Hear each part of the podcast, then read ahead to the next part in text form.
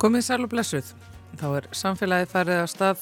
Það er þriðju dagur 20. september og Þórildur Ólastóttir og Guðmundur Pálsson eru umsjónarmenn þáttarins í dag. Og eitt annað sem er á dagskrá að sjálfsögðu. Nú verður að skipta um síur í skól, skólpreinsistöðinni við Klettagarða. Og það er ekkert áhlaupa verk. Við heimsækjum hreinsistöðina og spjöllum við Pál Ragnar Pálsson hjá veitum um þetta verkefni og spyrjum hann út í kerfin sem taka við, hreinsa og dæla burt skólpi. Spyrjum hann líka aðeins út í þetta sem að gerist þarna eh, við faksaskjól um helgina. Eh, Það er umræður, eða í gær, sem er fréttum í gær. Leðendamál fyrir eh, sjósins fólk, Já, vissulega. Og fleiri. Urruðaholt í Garðabæ er fyrsta vistvottaða hverfið á Íslandi. Þar voru innleitar svo kallar blágrannar ofanvarslausnir sem viðhalda þá vatni og lífriki hins fagra urruðavass sem er þarna rétt við. Það er um uh, hálfur annar áratugur síðan uppbyggingin þarna hóst og við ætlum að fara yfir skilvirkni þessara innviða reynslu og áskoranir sem að þeir sem að þarna byggðu upp uh, hafa staðið frammi fyrir með Hrund Ólöf Arnardóttur professor í umhverfisverkfræði sem hefur leitt uh, rannsóknir á hverfinu. Svo fáum við málfars spjall í dag, ekki málfars mínútu, það þarf nefnilega lengri tíma til að velta fyrir sér íslenskum málstuðli og hvort það eigi að breyta honum og hverjir eigi að gera það og þá hvernig. Við fáum málfarsráðunni drúf til okkar önnu Sigriði Þránsdóttur og Eirik Rökkvöldsson, professor Emeritus. Þau leiða umræður um þetta hita mál á fræðakvöldi í Neskirkju í kvöld. við byrjum í skólpi. Við erum komin í Klettagarða, er ekki ekki komin hingað í uh, skólprinsistöðina uh, við Klettagarða. Og hér er, uh, já þið heyrið það, hér er ímislegt í gangi. Og hér er líka Pall Ragnar Pálsson sem er leiðtói vass og frávitu og hér eru menn að endunýja eitt og annað. Það, það er mikið sem er í gangi hérna núna og svolítið aðgerir. Já, uh, við erum segast að endun í að þrepa síðunar okkar sem á uh, línuna, svona framleysli línuna ef við getum orðið að segja svo. Að, hérna, uh, það er grófefni sem við erum að taka úr skólpinu og erum að, að koma í gáma til að koma þeim í hérna, koma frá okkur. Býtum við, og er þetta eitthvað sem þarf að gera reglulega? Uh, þetta er í fyrsta skipti sem endun í þessa síður frá, frá, frá því stöðum var sett í gang. Þannig að Já, það er líftímin á þessum síum með talað um 10-15 ár. Það er orðna 20 og hvað? Á 20 ára gamlar. Það við erum búin að nýta þar alveg í botn. Og við erum orðin að freka þreytar. Þannig að loksins eru við á endun í þetta. Já. Og hvað, hvað sko, felur það í sér í, sko, þegar maður horfir á starfseminni hér? Hvað felur það í sér að þurfa að taka þessa síður og taka ára umferð og endun í það? Hlýtur að áhrif á hvað hefur að kalla það? Framleiðslu getur? Jú, það passa. Ef maður orða það svona hann, það sé framleiðslu getur. Þetta hefur þó áhrif núna. Núna erum við með, sem við búin að taka úr reksti þrjár af fimm síum hjá okkur. Þannig að við erum raun og veru á 40% afkastum. Svo lengi sem að verður ekki þvímun meiri úrkoma, þá, þá eigum við alveg að ráða við það. Þetta, við reiknum með að í þrjár til fjóra viku verðum við á 40% afkastum. Svo tökum við hérna hína tvær sem eftir eru en þá náum við að halda henni upp á 60% afkastum stöðin aftur Já. eftir þessar 34 vikur og, og þá klárum við þetta alla leið. Og hvað er í þessum síum sem það þarf að reynsa? Eða skiptum, hvað festist í þessum síum?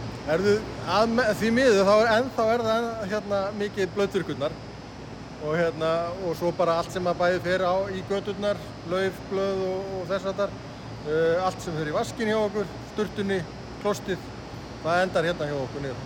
Já, þetta er endastöð. Þetta er endastöð, já, áður við hérna, áður við dælum skolpinu út hérna, hvað, 5,3 km. Já, en sko, svo eru dælustöðar hérna líka. Getur þú útskipt fyrir okkur bara hvernig, hvernig þetta gengur fyrir sér, sko? Þú bara, ímyndum okkur bara að það er einhver heima hjá sér í árbæ eitthvað rauninu sem sturtar niður. Hvað gerir svo? Já, fráveitan er nú þannig að hún er að mestu sjálfurennandi. Hérna, við nýtum okkur bara þýndaraflið til þess að koma skolpinu áfram en uh, á móti þá þurfum við að lifta því alltaf á vissum stöðum.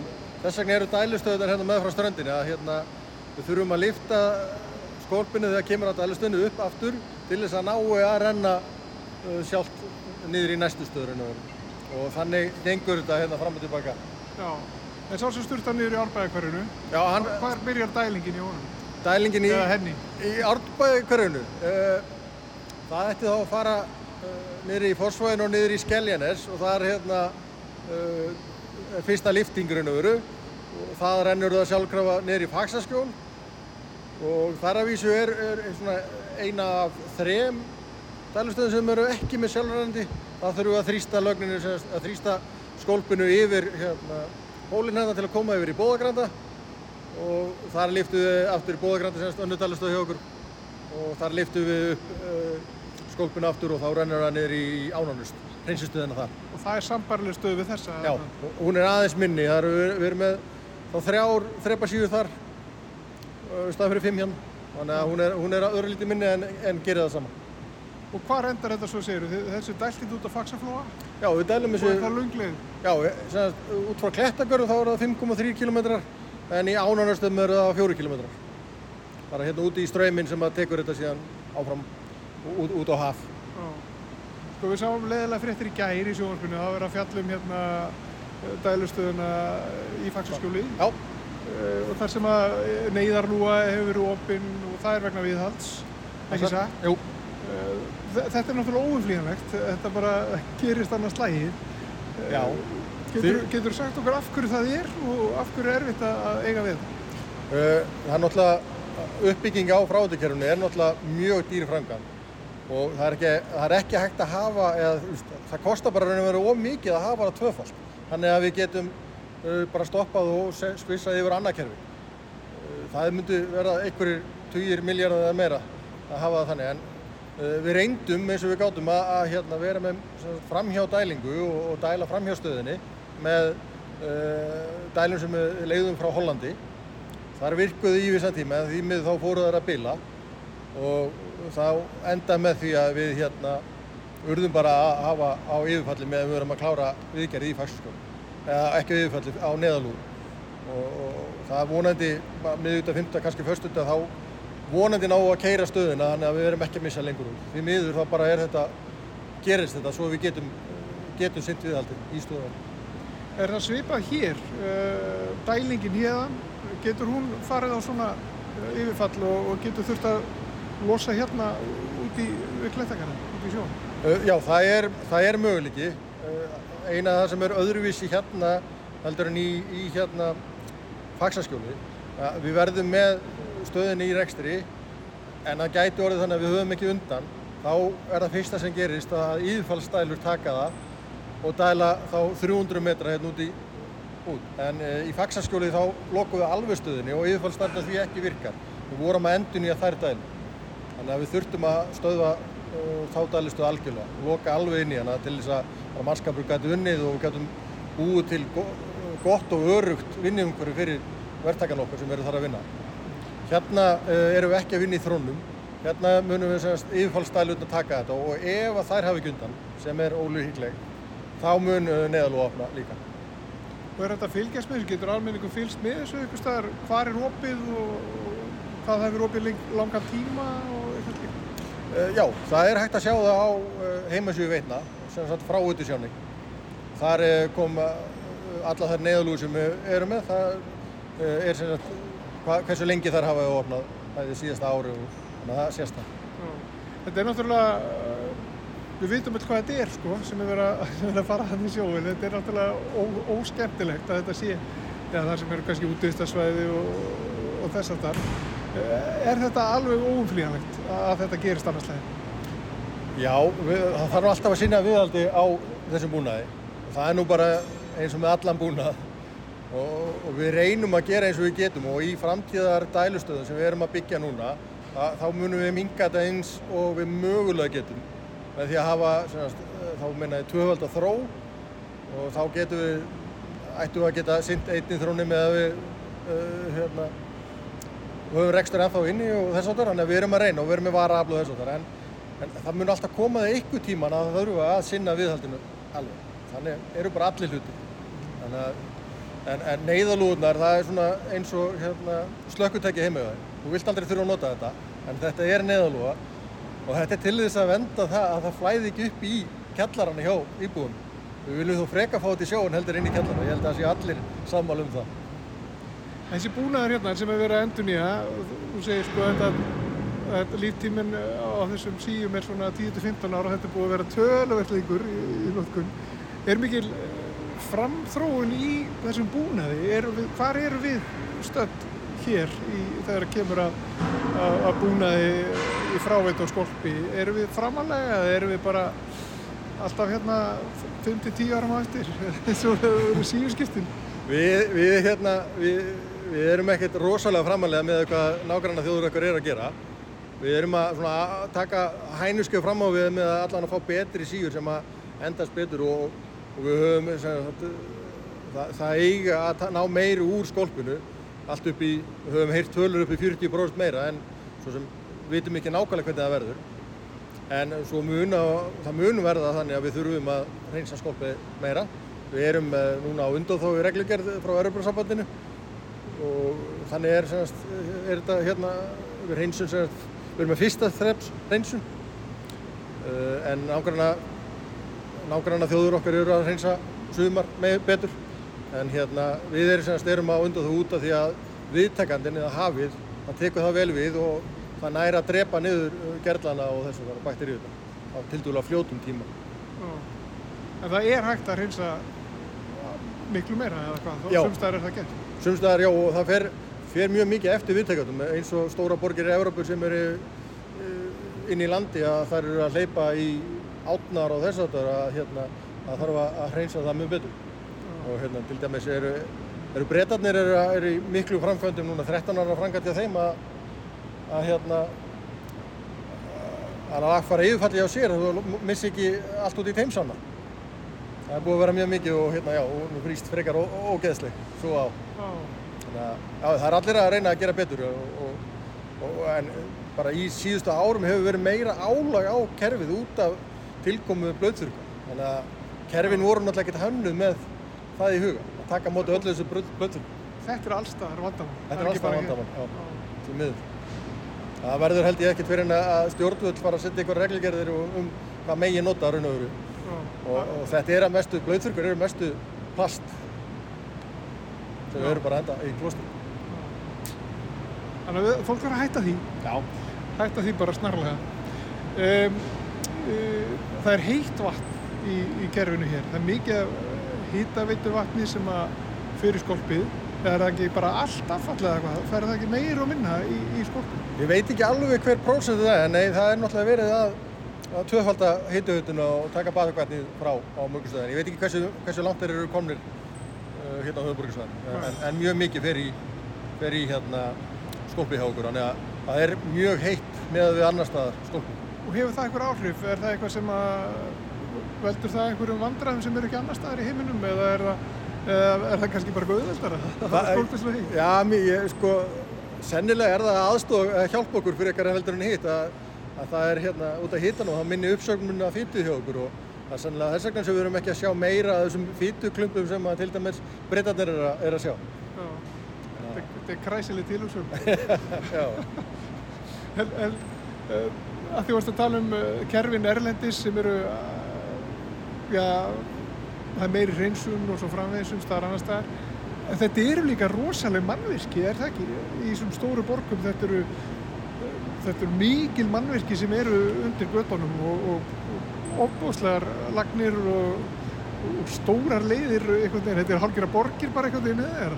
Jú, þetta er náttúrulega frá þetta kerfið þarf að taka við rosalega miklu magni og við erum náttúrulega að, eins og hérna á Íslandi að við erum að taka við bæði regnvatni, kaldavatninu og heitavatninu sem kemur inn á, á loðutar okkar. Þannig að þetta er mjög mikið magn sem við þurfum að taka á móti og eins og þú segir í þessum stóri borgum að þetta eru, þetta eru mjög stór mannverki og það hefur verið heppin að fá að sjá eitthvað af þeim þetta er, já, þetta er mjög mjög forðutild að sjá þetta Hvað er brínd að gera hérna núna? Núna eru að klára þessar þessar að skipta með þessar síur hér er fleira í, í farvættinu sko, það eru að framkantir að það ekki hérna uh, í allavóginum er það tengt uh, þessum málum eitthvað? Já, það, það er þá hérna skóp, nýja, nýjasta skópdælustöðun okkar í Naustavogi sem við erum að, að, hérna, erum að byggja í staði fyrir eldstu dælustöðun okkar sem er, hérna, var á Gelgjutanga. Þannig að já, það verður vonandi hérna, vonandi gengur allt eftir og verður okkar besta dælustuð og þannig að við getum synt öllu viðaldi á þess að stöðva reksturinn á þannig. Hún var sem sagt hönnuð þannig, þannig að við sjáum til hvernig það gengur. Já, það er, það er nýframkvæmt og veistu hvernig það á að vera tilbúið? Ég held að það sé hvað, eitt og hálft ár, tvö ár eitthvað svoleiði sem að það verður. Svo hvað, hvað, hversu mikla frestan verður út af, út af ástandinu í heiminum. En hvernig ætlaði að vera búin að skipta um þessa síður, þú? Hér? Uh, við reiknum með, við vorum að byrja bara í, í gæri að undirbúa þetta, verktakinn kemur í dag eða morgun. Við reiknum með að þetta verður 67 vikur og þá verðum við allt komið í, í, í rekstur hjálp. Kannski bara svona rétt ára við hættu, sko. Ég er að horfa hérna á einhvers konar færiband og uh, á þessu færibandi er, þetta er ekki mjög, eða sko þetta sé ekki spennandi, á hvað erum við að horfa? Hvað, er þetta þessar frægu blöðturkur eða er þetta eitthvað annað? Það passar, þetta er, þetta er þess að fræðu blöðurkur. Mesta sem við sjáum eru blöðurkur og einn og einn manni hann inn á milli en, en aðalega blöðurkur því miður. Og af hverju eru þær á þessu færibandi? Hvað er þetta? Þetta er semast það sem við erum að taka út. Skólpi rennur hérna í gegnum þessa síur og við grípum eh, hérna óhreinindin og allt sem er raun og veru stærri en 3 mm, það grípum við þarna og, og, og hérna komum við áfram. Og hvað verður um þetta? Þetta sem sagt eh, fer í sníklakerfið hjá okkur. Eh, Við færum þetta með sníklum, eins og við kallum, skrúum og sníklum í þvottapressur. Þar hérna pressum við skolpið út úr þessu og þrýfum þetta síðan, dælum síðan uh, köldu vatni inn á. Og reynum að þrýfa þetta svona eins og við getum og, og ná síðan öllum vökuðan úr því og svo kerum við þetta hérna inn í gáma og, og svo fer þetta í brennslu í kölku. Já, og þessi farga þannig. Já. Uh, við erum nýlega að byrja á því. Var, þetta var í landfællingu en uh, það var ekki ákvörðun um að frekar að, að brenna þetta. Það, það er skárri kosturinn. Endur en að vera með þetta allt saman í, hérna, í, jörðinni hjá okkur. Já. Og fleira sem við gerum, þú talar nú fýtuna á hann, það, það er eitt eða ekki sem maður þarf líka að hreinsa. Jú, við erum einnig við bæði hérna, tökum sérst gróefn úr þessu, við tökum fytu og sem og sand út úr skólpinu. Uh, við erum með kringum 200 tonna af fytu og sandi, svona 200 tonna fytu og 200 tonna sandi á ári hérðan og klettakurum sem við þurfum að losa okkur við. 200 tonn. Já, þannig að þetta er svolítið magna af fytu og við, hérna, við erum í smá andrað með hana. Vonandi finnum við góða laust á hvernig að nýta hann bitur af því það er mjög mikil uh, orka og, og, og næring í fytunu sem við höfum hana. Það við þurfum að einhvern veginn að finna betri nóttun á henni. Og einnig langar okkur nú að nota sandin betur. Við erum í verkefni í dag um að, að hérna, sjá hvað við getum gert. Að hreinsa hann betur og það væri þá hægt að legg, eh, nota hann til við lagninga á, á rammarsköflu og þess að þau séu búin að hreinsa hann og drepa allt í honum. Þannig að við þurfum ekki að keira hann hérna upp í Álsnes og svo þarf til dæmis rafveitan að keira upp í Kvalfjörð til að ná í samt til þess að leggja það með lognánum sínum. Þannig að við gætum haft þetta bara hérna innan borgar og, og nýtt þetta betur. Þannig að við erum í vinnu í því að reyna að nýta, nýta afurðar okkar betur. Þannig að það eru verðmætt í skólpinu. Það eru nefnilega hellingsverðmætti í skólpinu og, og, og jafnvel nákvæmlega þjóðu okkur, til dæmis svíjarnir, þeir, þeir, taka, þeir framlega rafmagn úr skólpinu, þannig með hittanum sem verið í því. Það, það er alveg möguleika því líka. Já. Það að þegar, að- þegar að skólp er óvenju heitt eins og Ísland. Já, akkurat, að, að það væri gaman að sjá hvað við getum náð því. Það er bara sennilega hérna, sem hrjáur okkur mest af því að hvað, hvað orkuverðið er lágt hjá okkur. Já, það vantar kvatan. Það vantar kannski kvatan, já. En Páll Ragnar Pálsson uh, leiðtói í Vass og fráveitu hjá Veitum. Það var gaman að að koma í heimsókninga í Klettagarða, í hreinsunarstöðuna í Klettagarða. Gangi ykkur vel að, að skipta þessar síður og, og halda þessu öllu sem er gangandi fyrir okkur. Takk hérlega fyrir komuna.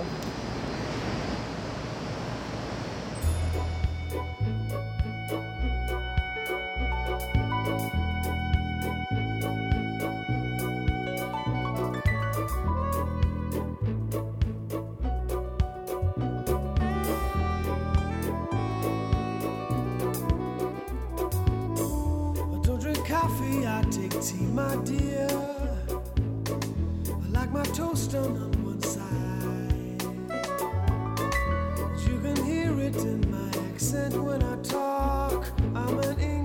Englishman in New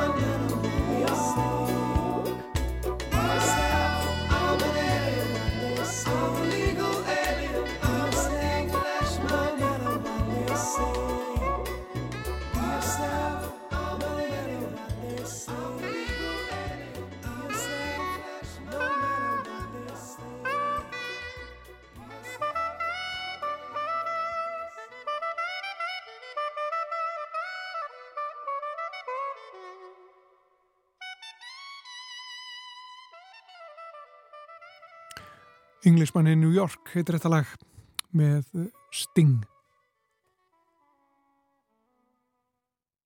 Við ætlum að skoða reynsluna sem að hefur fengist frá Urriðaholti, fyrsta vistvottaða hverfinu á Íslandi. Hún er senst hjá okkur Hrund Ólöf Andradóttir, professor í umhverfisverkfræði Selverstu. Sæl.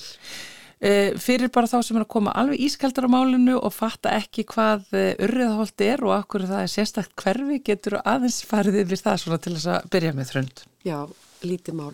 Urriðaholti er auðvitað þetta hverfi, sérst, hæðin sem að blasi við þegar þeir eru í IKEA Já, og það sem er kannski sérstakt sko frá vatnafræðilegu tilliti er að fyrir neðan hverfið þá er þetta afar grunna fallega vatn, urriðavatni og því ég er að tala um grunn þá er stór hlutin bara svona í kringum 20 cm og dýfsti hlutin er 1 metri. Og þegar var ákveð að byggja hverfið þá auðvitað svona undir vennilegum kringustæðum er vatn af þögum og gödum bara leitt í burtu og fyrir svona grund vatn sem að urðaholtið eða urðavatn er þá hefði það þýtt að það hefði bara þotnað upp.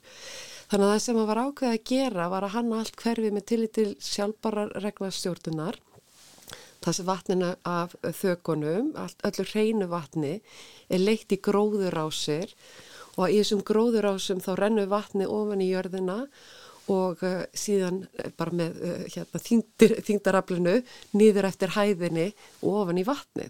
Þannig að við erum búin að tryggja gæði urriða uh, sagt, vatsins með þessum sjálfbarum ofaslausnum eða náttúruðum íðuðum ofaslausnum.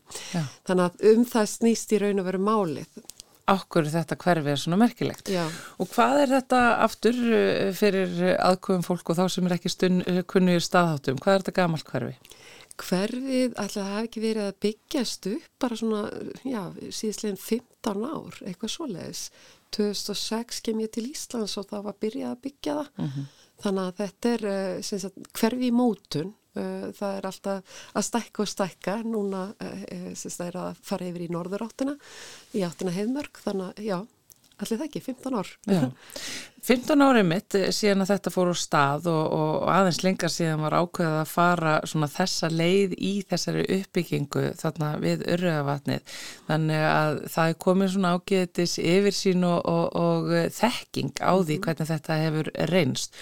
Og það er í rauninni það sem við vildum fá þig til þess að fara aðeins e, yfir með okkur hér hvernig e, þetta, þetta hverfi, þetta mm. vistvotaða hverfi er að standa sig. Já, sko við komum að þessu verkefni fyrir fjórum áru síðan þegar Háskóli Íslands, Garðabær, Urriðholti og F og Viðstof Íslands skrifum undir samstarfsamning um að gera Urriðaholtið að svona rannsóknarmiðstöð einmitt í sjálfbarum ofanslausnum Og á þessum fjórum árum þá höfum við verið að mæla jarðegs, hita, jarðegs, raka og höfum verið að gera tilraunir um sko, hversu hratt vatn rennur ofin í jarðegin mm -hmm. og okkar rannsóknir aðalega að reyna að skilja vetraðstæður en þá getur myndast frost sem að getur minkað þá þess að afkasta getu að vatni beinist ofan í jarðegin. Og þá ef að það sagt, nær alls ekkit að fara ofin í jarðina þá verður bara flóð sem er auðvitað ekki skemmtilegt. En við höfum, sem sagt, í okkar á þessu tímbili, fjögur ára tímbili, höfum bara séð að þessa gróðurásir sem að taka við þá umfram vatni sem að kemur þá af þögum og lóðum, þær eru bara að standa sér bara mjög vel. Vissulega ekki einn skilvirkar eins og á sömrin, en þær, við höfum aldrei síðan einn ummerkjum flóð og uh, þannig að við erum bara til til að hérna ánað að sjá það að jafnvel í þessu lofslægi sem við höfum mikið af skiptingum á melli frost og þýðu mm -hmm. sem getur verið svolítið varasamt að, að, sagt, að þetta er að virka allavega á þessum tíma sá engin vandræði. Já, þannig að e, mitt, þú ert að lýsa þarna dáltið svona sérstökum íslenskum aðstæðum af því að þessar sjálfbæru ofanvarslösnir eru við að kerða út um allan mhm, heim. Mm -hmm hvað er þetta þá að segja okkur? Að þetta er eitthvað sem við getum gert bara út um all land? Já, en það sem að rannsóknu okkar sína líka er að við þurfum að, að vanda okkur í hvernig við hönnum og, og útfarum lausnunar. Þannig að e, íslensku eldfjallajarðögur, hann er mjög sérstakur. Hann er vatnsgleipin, sem það vil soga í sig vatn, en hann er líka mjög vassheldin, þannig að þegar hann búin að blotna og tekur mjög langan tíma fyrir hann að drenerast og þess vegna það sem að við komum stað er að það, er, það þarf í flestum tilfellum að blanda sagt, náttúrulega jarðeinum við kannski sand eða eitthvað svoleiðis til þess að breyta aðeins þessum eiginleikum já þannig að maður þarf að hanna vel og, og vanda vel upp á dreneringu þegar maður er að, sagt, að búa til svona uh, blágræna innviði. Ég verðast bara aðeins að stoppa þarna fyrir alla sem hafa áhuga á góðri jarðvegsvinnu. Þýðir þetta þá að við þurfum að, að breyta jarðvegi á svæðin sem við ætlum að byggja upp á ef við ætlum að fara þessa leiði? Bara í sjálfum sagt, innviðinu sem er að taka við vatninu. Þannig að hérna augljóslega bara venjulega lóðirnar og eitthvað svoleiðis, ekki þannig, en þú veist eins og að gróðurásunar í urriðaholti, þær voru sagt, með minna fínefnum heldur en náttúrulega jarðeginum við hliðina. Þannig að það hefur greinilega verið gert í eitthvað skona blöndun á jarðeginum þegar það var búið til þessa gróðurásir. Er þetta ekki alveg óskaplegt vesen? Nei, nei, nei, nei, nei, ég meina, þú veist, vesenið er að búa til skurði og leggja pýpur ofin í jörð, það er miklu dýrara og umfangsmekla meira verkefni heldur en að gera svona blágrannar ofansleisnir. Það sem að mér finnst alltaf svo spennandi við blágrannar ofansleisnir er sko að þetta, það er svo mörg auka, hvað maður að segja, þetta auka svo hverfið á annan hátt Þú veist þetta, mér er svo mikilvægt að það séu sameili útivistarsvæði og grænt svæði fyrir fólk að njóta, jafnvel þegar við erum að þjætta byggð. Mm. Og þarna ertu, sérst, hugsunni svo að þú ert að, að finna leiðir fyrir ofanvatnið eða rigningavatnið. Þú veist, við viljum ekki fá rigningavatnið inn í húsin okkar, við viljum ekki flóð, en með því að búa til svæði sem er að nýta sem útivistarsvæði og eða búsvæði fyrir bara alls konar fuggla og þetta.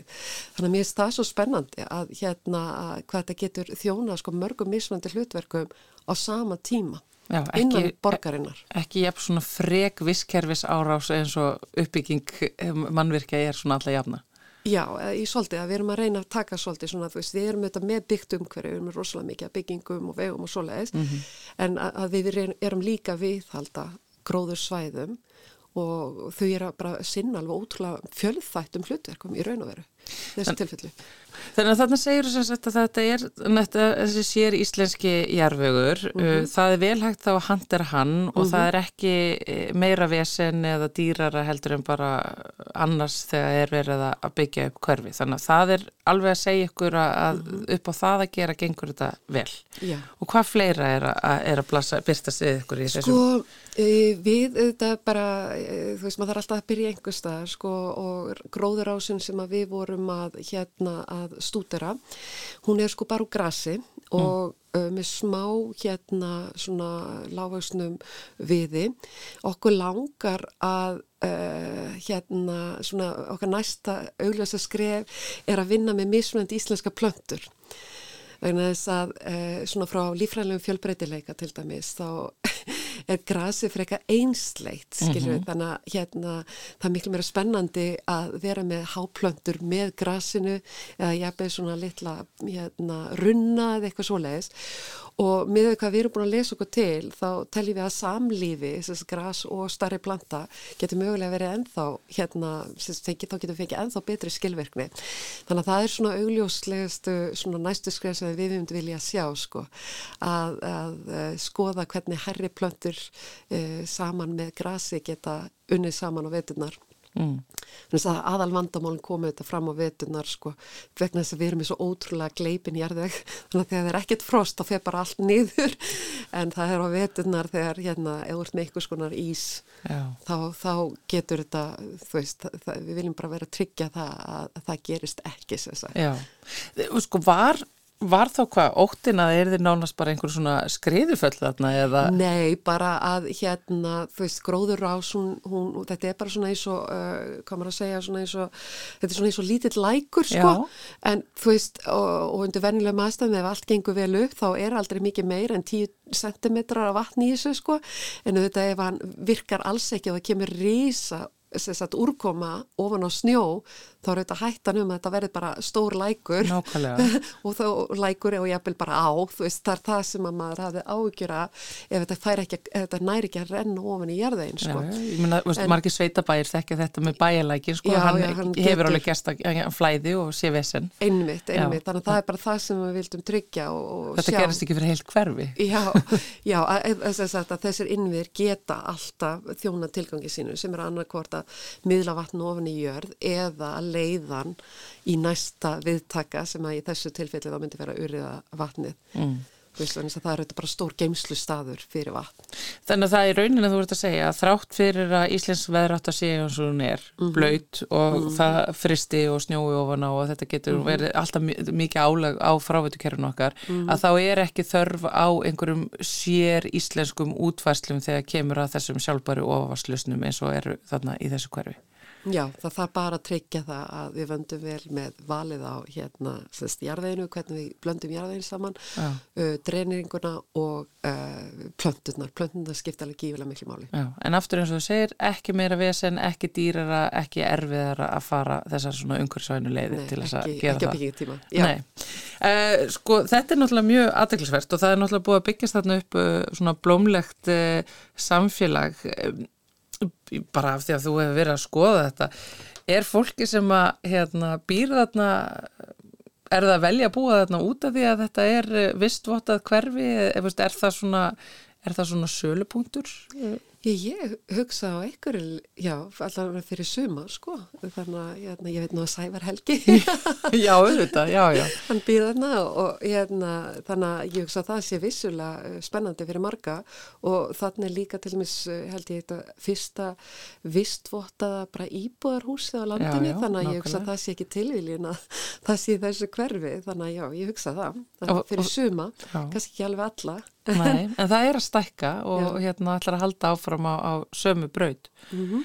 Sko, af því að þú talaðir einmitt um að það er náttúrulega ákveðið að fara þessa leið Mhm. uh, í uppbyggingu þessa hverfis til þess að vernda urriðavatn. Mhm. Um, ef þetta hefði ekki verið gert, hrund, væri urriðavatn horfið núna eftir 15 ár? Já, um, það sem að uh, er, hefði verið hættan er að það hefði þotnað upp og það er mjög óákjásanlegt að hafa svona sérst, uh, að svona staðir þotnu upp uh, vegna þess að þá er rosalega fingert þú veist það er set í botnuna á svona tjötnum það er mjög fingert þannig að bara, þú veist, eða hversi þá kemur bara svifriksmengun þannig að það, Ef þetta hefði ekki verið gert, Já. væri urriðaholt bara hérna svona sandstorms Já, ég hérna, meina hverfi? einhver hefði farið að græða hérna einhvern veginn að reyna að setja einhverja plöntur ofan í þetta set, sko, þannig að já, þetta er bara eins og, uh, hérna, við erum oft með sandstormuna, sko, frá, ég held að heiti hítarvatn, það vatn uppið einn af jöklinum, sko. Já, Þetta er, þú veist, Þetta væri bara eins. Já,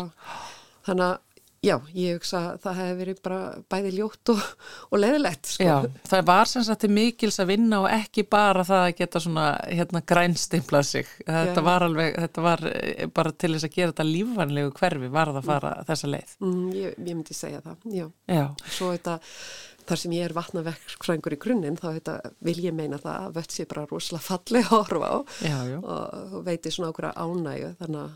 Það er nú bara- annar sölupunktur svo sem fyrir þetta svæði að það að- að vera í návi vatn er nú Mhm. alveg eitthvað sem að dregur fólk um, að ákveðunum svæðum. Já, eins og tjöttina. eins og tjötuna, þetta- eins og við þekkjum. Eh, sko, varðandi svona lærtum þar sem við getum tekið það, það sem að er að gerast þarna upp í urriðaholti lengra og, og möguleikar til uppbyggingar víðar, eh, hvort sem er hér á höfuborgarsvæðinu, þar sem allt er nú það ætti allavega að vera í miklu farti og síðan annar staðar á landinu mm hva, hva, hvaða, hvað er þetta að segja okkur? Hvað getum við tekið með okkur út úr Sko, þessu? það hefur auðvitað bara orðið alveg ótrúlega mikil eh, sko vitundavakning og nú eru bara mörg hverfa rýsa upp eh, sem að er að beita svona skipulagi með ofan vatnið. Ég held að Nóðraholti til dæmis hérna sem er í uppbyggingu líka í Garðabæ, sé eitt af þeim hverfum. Þannig að þetta er orðið bara í svona orðið miklu meira, eins og maður segir, mainstream uh, í uppbyggingu nýra hverfa. En, uh, en ég held að hérna, eitt af því sem við þurfum líka að huga að, að með nattrætni hlínun þá getum við mögulega að sé verri vetraratburði allavega næstu 10-20 árin og það sem er líka verið að þjætta byggð þá eru sko núverandi kerfi sem við erum með í öllum eldri hverfum oft undir mjög miklu álægi þannig að ég tel líka sko þetta er mjög mikið líka rætt bara erlendis að það eru ótrúlega dýrt að fara að reyna að stækka hverfi, e, kerfi sem eru nú þegar byggð sko. Og það er alltaf að opna upp og grafa sko tvo metru ofan í jörðina og svona. Já, já. Þannig að ég held að það sé svona, já, ákveðnir tækifæri að fara að spá í aðeins hvernig er hægt að aftengja meira frá stöðum þar sem vitum er að núverandi kerfi er, er svona orðið svolítið vel fullt sko. Já. Þannig að þú veist, það eru svona þessi veikulekkir og bara, já, ég held að það sé líka tækifæri þar. En getum við þá skuttlað blokk til þess að þetta byggð sem að keira áfram á þessum sjálfbæru blágrænu ofanslausnum í, í hverfi sem að er á gamla kerfinu? Sko, það sem að hérna er möguleiki, ef það er töluvert grænt, grænt svæði, það er bara að aftengja þakið af, sko, þannig að það fara ekki út í, sagt, þannig að það, það er léttasta leiðin. Og uh, það eru vissulega hérna sumablokkina með mjög mikið af, af stórum túnum, sko, þannig að það, veist, það er allt sama möguleikin, allt, aftur það þarf að vandað og maður á aldrei að aftengja rennu, Ma, þú veist, maður verður alltaf að beina vatninu allavega einn og halva meter frá húsinu. Þú veist, þú vilt ekki fá þetta allt inn til þín aftur, en ef, þú veist, það sem að fólk hefur sko stóran garð, þá er alveg hægt að, að aftengja þakið sitt, búið til regnbeð, þú veist, og hérna, já. Það ég minna þannig að þú ert að segja bara einbilshúsa eigundur getur þess að fara að tjekka á þessu. er og saman- hafa ma- náttúrulega einhverju gert. Já, það, og uh, það þarf auðvitað bara, þú veist, að ekki gera það hugsunlaust, maður þarf að vera vissum það að sé ykkur jarðvegur, sko, sem getur haldið, þú veist, sum hús, sko, eins og í Holtonum er kannski, þú veist, bara næsti á klöpp, sko, en, en hérna, en ég hugsa að séu tækifæri alveg á mörgur stöðum, þú veist, þess að létta svolítið á, hérna, uh, heildarkerfinu og svo líka svona það sem ég er svolítið mikið andum sko það er oft verið að breyta rosalega mikið af sko svona stórum lóðum þú veist, fólk er farið að taka kannski innkesslur og stækka þær þú veist í fjóra-fimm bíla sko þá ertu þetta breyta alveg rosalega mikið yfirborðinu Mm á þinni lóð sem að þú veist það býr til meira vandamál fyrir kerfið í götunni Já, þannig að þú ert búin að búa til og steipa planið fyrir alla bí, allan bílaflótaðinn að Já. skaltu ekki vera að hissa á því þegar það byrja að myndast rakaskendir inni hjá þér. Nei, þetta myndi, sko, flóður myndi gerast í götunni. Í göttinu sjálfur, Já, já, já. og kannski ekki endilega í þinni götu. Þú veist, þar sem er veikast í lekkurinn í kerfin í götunni, þar getur farið að Já, flæða. já. Þannig að, þú veist, um, það sem ég er að segja er, það sem við gerum okkar eigin lóð, getur búið til fló, þú veist, með tíð og tíma, annar stað í kerfinu, skilur hvað ég við? Já, ég fatt að, einmitt, já. Þannig að þetta, þetta tengist allt. Þetta Já. er náttúrulega, er náttúrulega fegurði náttúrulega við vatnið en líka náttúrulega erfileikarnir með það. Já, og, og, og það sem ég kannski er að reyna að segja, við erum auðvitað, sko, all, við erum öll saman í þessu samfélagi, skilur við. Þú veist, við erum lóðareigendur og svo hérna er, er hérna sérst, borgin eða bæirnir þeir eru að taka við vatninu, en þetta er alls saman, sko, hérna ferðalag sem við erum saman í og allir geta haft áhrif, skilur við, á sinni lóð. Þannig að, hérna, þannig að ég held að sko það væri svolítið skemmtilegt að, að, ef það væri svona meiri almennri umræða, ég veit allan ég bý í kópóinum, það er mjög mikið verið að laga til bílaplönin þar og stækka þau og, og hérna, já, steipa þau. Þannig að ekkert farið í, í, í, hérna niður í jarðaðinn, þannig að þetta eru mikla breytingar sem er að gerast jafnvel á engalóðunum og hérna getur á endanum ef allir fara út í svona breytingar sinni eiginlóð búið til vandræði og meiri flóða hættu veist, þar sem að kerfið eh, er veikast fyrir. Þannig að þú ert náttúrulega vitandi það sem að þú veist, það, veist verandi náttúrulega vatnaverkfræðingur hafandi verið að skoða veist, sem umhverfisverkfræðingur í þessari rannsók þarna upp í Mhm. óriðahaldi þannig að þegar þú keirir um höfuborgarsvæðið og sér, sér framkvendir að þá bara færðustundum bara svona hland fyrir hjarta. Já, mér finnst stundum uh, sko að það þurfa að huga betur að sko prósendu grænsvæðis á lóð sko uh, og ekki síst í miðbænum sko, þú veist, uh, ég meina vissulega í miðbænum vilju hafa þetta byggð en það er voðalega leiðilegt að lappa í gegnum sko þrönga svona mjög þrönga svona, hvað maður að segja, göngugötur þar sem að kemur engin sól og er engin gróður. já. En allavega, urriðaholti er þá að sína fram á að þetta er eitthvað sem að við þurfum að taka lengra og svo er það með þá bara að setja það í hendunar á ykkur sem að vitið að koma þekkinguna áfram til þeirra sem að gera. Já. Takk hérlega fyrir komuna hinga til okkar í samfélagið. Hrund Óluf Andra dóttir, eh, professor í umhverfisverkvæði. Takk fyrir.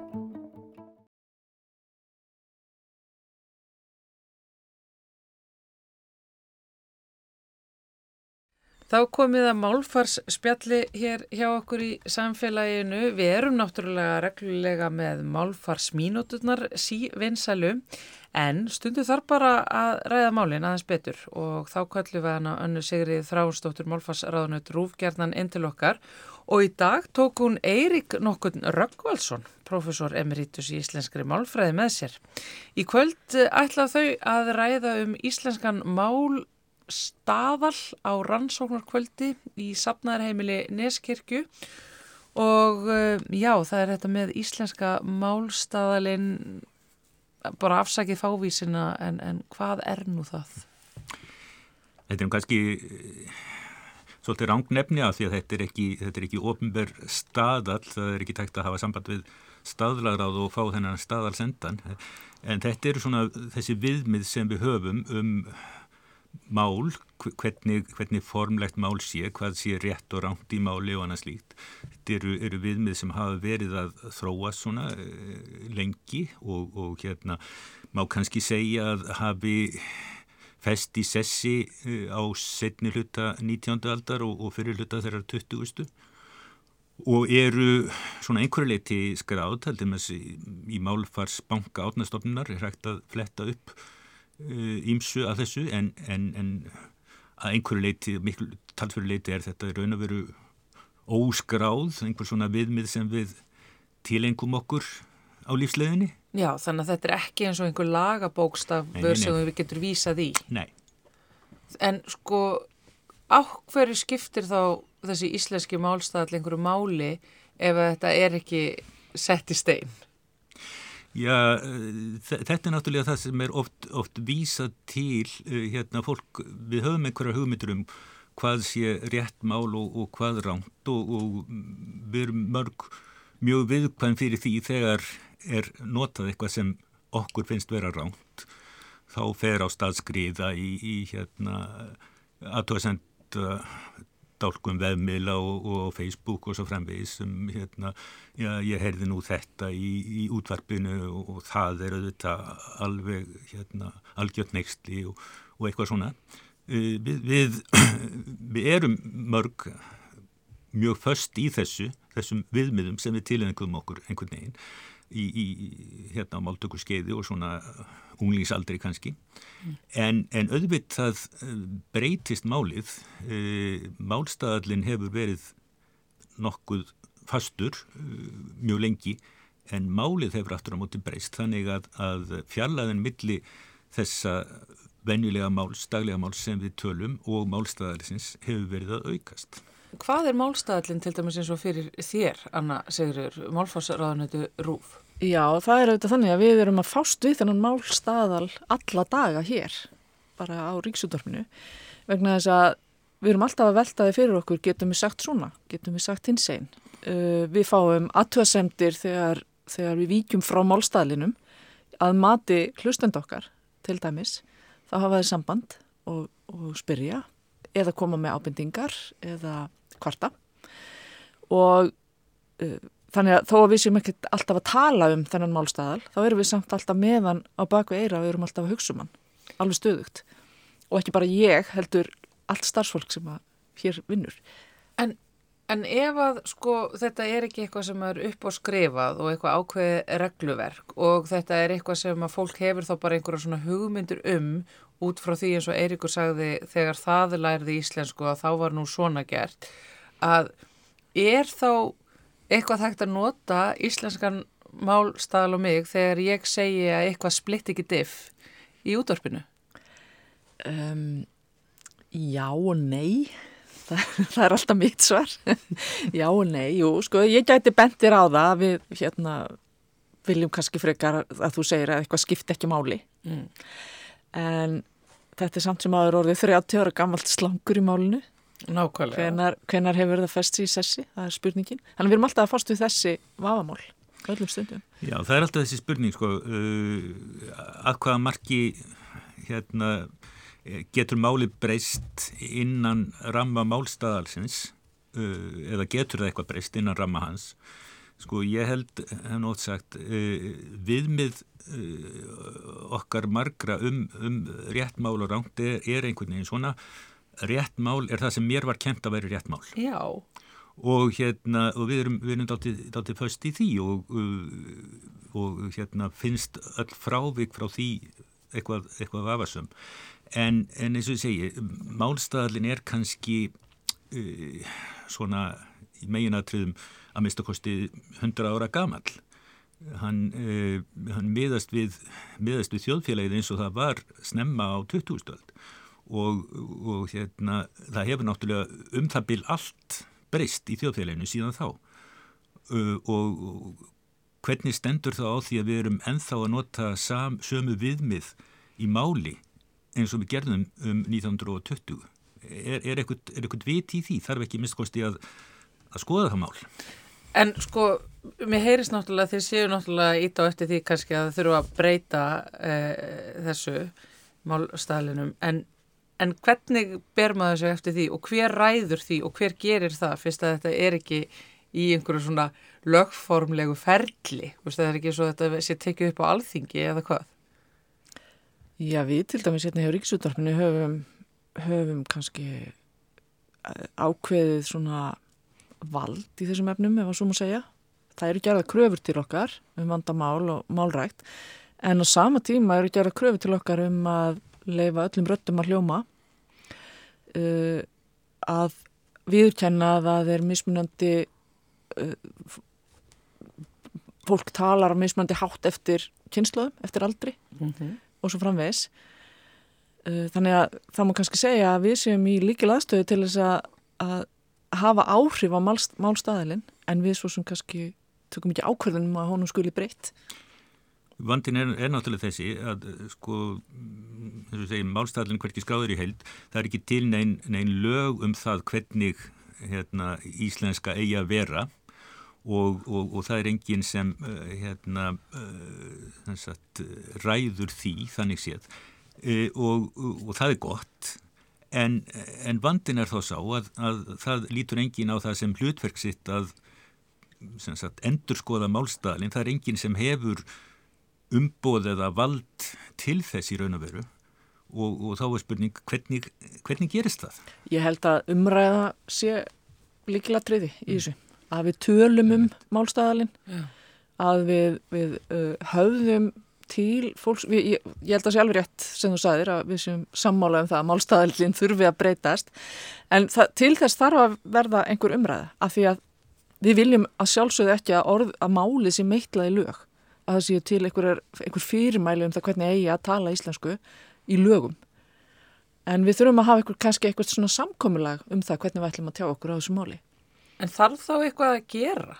Ég meina að því að þið bendir bæði á það að tungumálið er búið að breytast mjög mikið og er málstæðalningi bara svona eins og allt sem er bundið í samfélagslega kerfi okkar mannana, það er yfirleitt það sem að breytist síðast. Jú, en sko það, það er, ýmislegt í þessu eins og til dæmis það að málstæðalinn er ennþá notaður eða hefur miskusti verið notað til skamstíma á prófum til þess að hanga nefnendur. Uh, og, og hérna uh, í samræmdu prófunum sem að núna er vísu búið að leggja af tímabundið mistakosti þá var, var verulegu hluti af, af málfræðinni þeim. Það voru spurningar út í atriði úr málstæðlinum, atriði sem voru uh, sem sagt, í ó, raun að vera í ósamræmi við eðlilegt mál stórs hluta nefnda og það finnst mér ekki gott. En er það þú bara ekki einmitt þannig að fyrst að þetta er ekki höndunum ánunum einum en þá eru við hins vegar annars vegar hér með hérna, manni sem er með korunufræðina og hins vegar konuna sem er með veldisbrota menningastofnunarinnar rúf saman geti þið myndað bara eitthvað svona konunlegt innvald og tekið hennar málstæðal og uppfært hann. Það er nú alveg spurning hvort þið kærum okkur um það Nei, en, en já, það er, sagt, þetta er það sem við ætlum að ræða þarna í kvöld, hvað, hvað eigi að gera, hvað þurfi að gera, hvernig eigi að standa að því og yfirleitt, já, hvort sé ástæði til að gera eitthvað yfirleitt. En er ekki þeir sem hafa áhuga á þessu máli þeir sem hafa mjög íhelsam skoðanir á því? Ekki endilega. Nei. Það er líka fullt af fólki sem hefur mikið áhuga á því að breyta málstælinn. Já. Er ég að skinja það rétt á að þetta sé aðkallandi mál sem að ég eigi að taka afstöðu til? Ég veit ekki hvað að segja, sko, ég held að það sé mikilvægt að, að, að ræða þetta og við þurfum alltaf að vera að ræða þetta. En, en sko hvort maður þarf að taka endilega harða afstöðu, það er, það er annað mál. Aðalatrið er bara að, að gera sig grein fyrir því að það eru þessi viðmið sem hafa verið í gangi og, og velta því fyrir sig hvort að þau séu endilega skinsamlega, hvort að það sé eitthvað sem við eigum að vera að halda í og af hverju við eigum þá að gera það. Og svo einmitt líka getur maður bara tekið afstöðu en svo heldur bara tungumála áfram að breytast, alveg sama hvað þér finnst. Já, afstæða getur breyst líka. Já. Jáfnvel þó þú myndir mótaðir einhverja tiltekna afstöðu í dag, þá getur hún verið orðin önnur eftir þegar þú ert búin að setja þig betur inn í málið og, og ákveða eða sérst kynna er það betur og velta fyrir þér hvers vegna, hvers vegna þú hefur þessu skoðun Ég heyri að þið eru að fara með fólkið sem að mætir í safnarheimilið og neskirkju í kvöld inn á mjög skemmtilega slóðir. Eh, Þetta endar þá ekki dýna einhver svona upplöpum og, og, og, og fram í kvöldum hjá okkur í kvöld haldið þið að þetta sé það mikið hittamál. Sko við Eiríkur eru nú, höfum verið á svona svipar línu í þessum efnum, þannig við erum kannski ekki beint að fara að takast á. En sækut, svo veit maður aldrei hvað við ætlum að sitja fyrir svörum líka, Já. þannig að við vitum ekki hvaða spurningar við fáum. Hvet alla til þess að koma og kíkja þarna í kvöld e, til þess að fylgjast með umræðum um íslenskan e, málstaðal e, og þá hvort og hvernig hann eigi að breytast. Takk hérlega fyrir komin hinga til okkar í samfélagið. Eiríkur Akvalsson, professor emeritus og Anna Sigriður Þráastóttir, málfarsraðunitur. Takk. Og þannig ljúkum við samfélaginu þennan þriðjudaginn, 20. september. Örvendið ekki, samt. Örvendið ekki. Það kemur annar dagur eftir þennan dag uh, og það þýðir að það kemur annar þáttur á samfélaginu og ég vil bara með okkur líka. Já, sami tími, sami þáttur, sama fólk, sama rás, rás eitt. Já, Heyrust á morgun. verið sæl.